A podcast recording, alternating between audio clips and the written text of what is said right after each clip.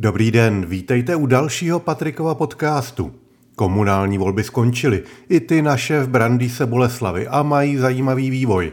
Na čtvrtečním zastupitelstvu bych měl být podle poslední koaliční dohody zvolen místo starostou. Budu o tom ještě referovat. Nyní se pojďme podívat na poslední technonovinky. Dneska bude řeč vlastně o dvou zásadních tématech. Tím prvním je Elon Musk a jeho nejrůznější eskapády a tím druhým je studená válka o procesory mezi Amerikou a Čínou. Kapitola první. Elon Musk bude nakonec muset kupovat Twitter. A vůbec mu to nezlepšuje náladu. Problém je jednoduchý. Podepsal smlouvu se sankcemi, takže jej vyjde lépe si nakonec ten Twitter přece jen koupit. Už se do tématu nechci pouštět podrobněji. Situace je turbulentní, zatím to ale vypadá tak, že frustrovaný je jak Elon Musk, který Twitter koupit nechce, tak zaměstnanci Twitteru, který nechtějí Maska za majitele. A už to ani pro obecenstvo není zábava sledovat. V poslední době dělá Elon Musk na Twitteru vůbec divné věci. Například vynáší soudy o tom, jak vyřešit válku na Ukrajině nebo situaci Tajvanu. Vzniká z toho nelehká panika. V případě Tajvanu navrhnul, aby se stal administrativní částí Číny, s čím jsou mocky dobré zkušenosti ve stylu jedna země, dva systémy a Hongkong. Lidé se dohadují, zda je to podlézání čínské vládě kvůli tomu, že má v Číně fabriku a Musk potřebuje baterky do svých elektroaut. To by se jistě ještě obchodně dalo pochopit, morálně a zkušenostně už však méně.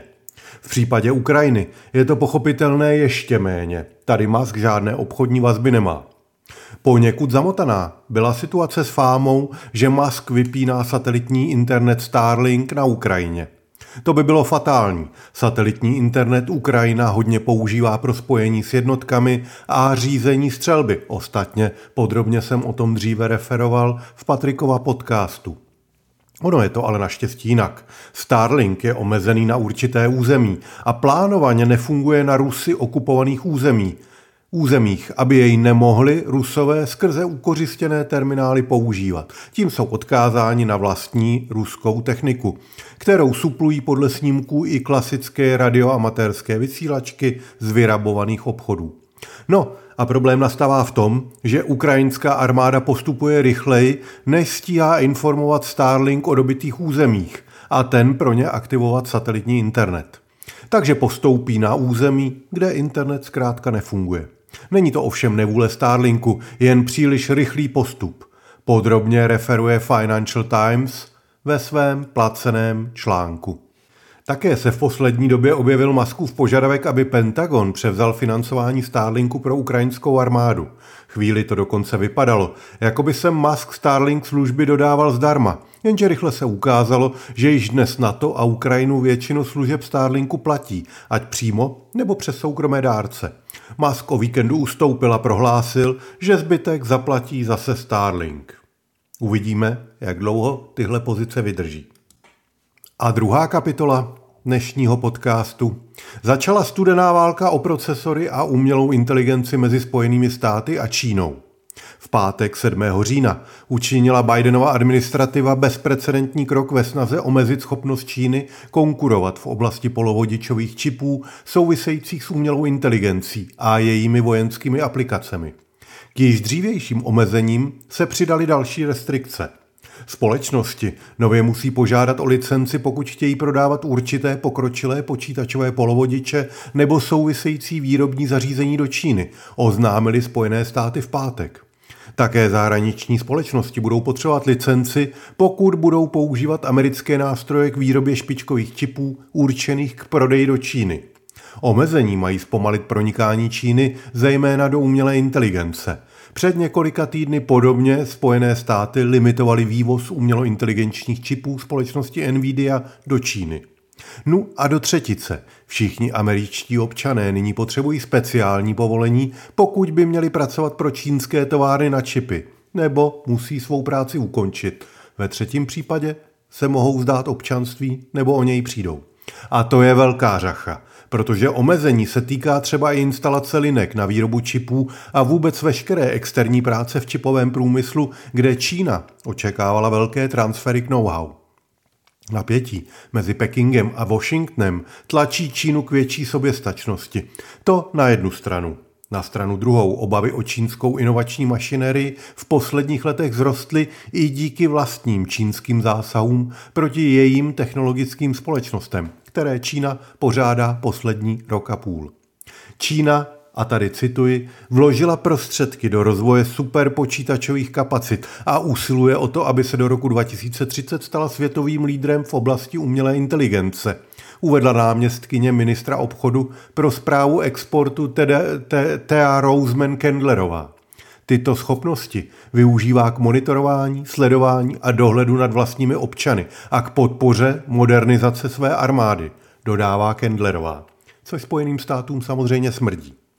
Součástí amerických úvah je to, co by se stalo, pokud by Čína napadla Tajvan a tím by omezila nebo převzala produkci největšího výrobce čipů společnosti TCMC. To by mělo pro americkou ekonomiku velmi zásadní dopady a nebylo by jednoduché ze strategického pohledu čipy vyráběné TCMC nahradit.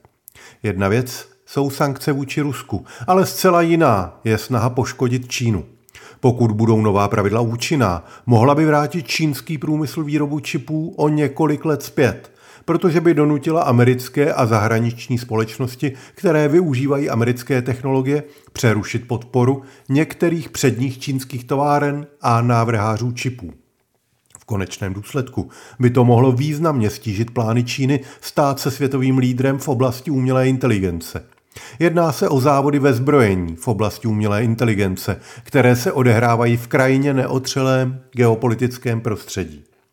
Důležité je také to, že americké společnosti budou sami sankcemi obchodně poškozeny, zejména Nvidia a AMD, a ztratí odbyt v Číně, což účinně omezí také jejich schopnost utrácet za inovace a potenciálně to může pomoci jejich konkurentům, pokud vlastně nějaké mají.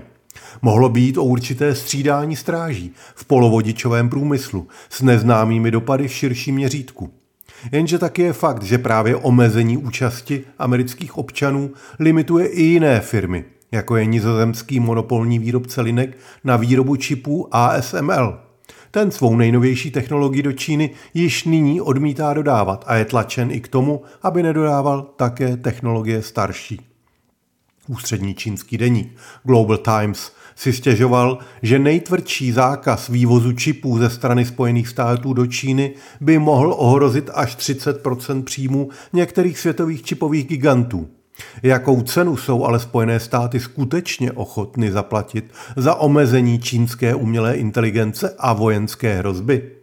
Nová opatření jsou všeobecně považována za největší změnu v politice Spojených států vůči dodávkám technologií do Číny od 90. let minulého století.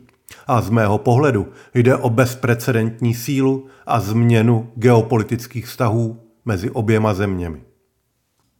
Kapitola třetí. Jaké umělointeligenční služby používám já každý den? Když už jsme totiž u té umělé inteligence, tak vám dám pár tipů na umělointeligenční služby, které já používám prakticky na denní bázi. Za prvé deeple.com. Je to skvělý překladač z několika jazyků, včetně češtiny a dokonce ukrajinštiny. Je mnohem lepší než Google Translator a umí překladat i dlouhé dokumenty v PDF. Můj model použití? České texty umím totiž načíst podstatně rychleji než anglické, takže si nechávám přeložit prakticky veškeré články a dokonce i knihy, které čtu.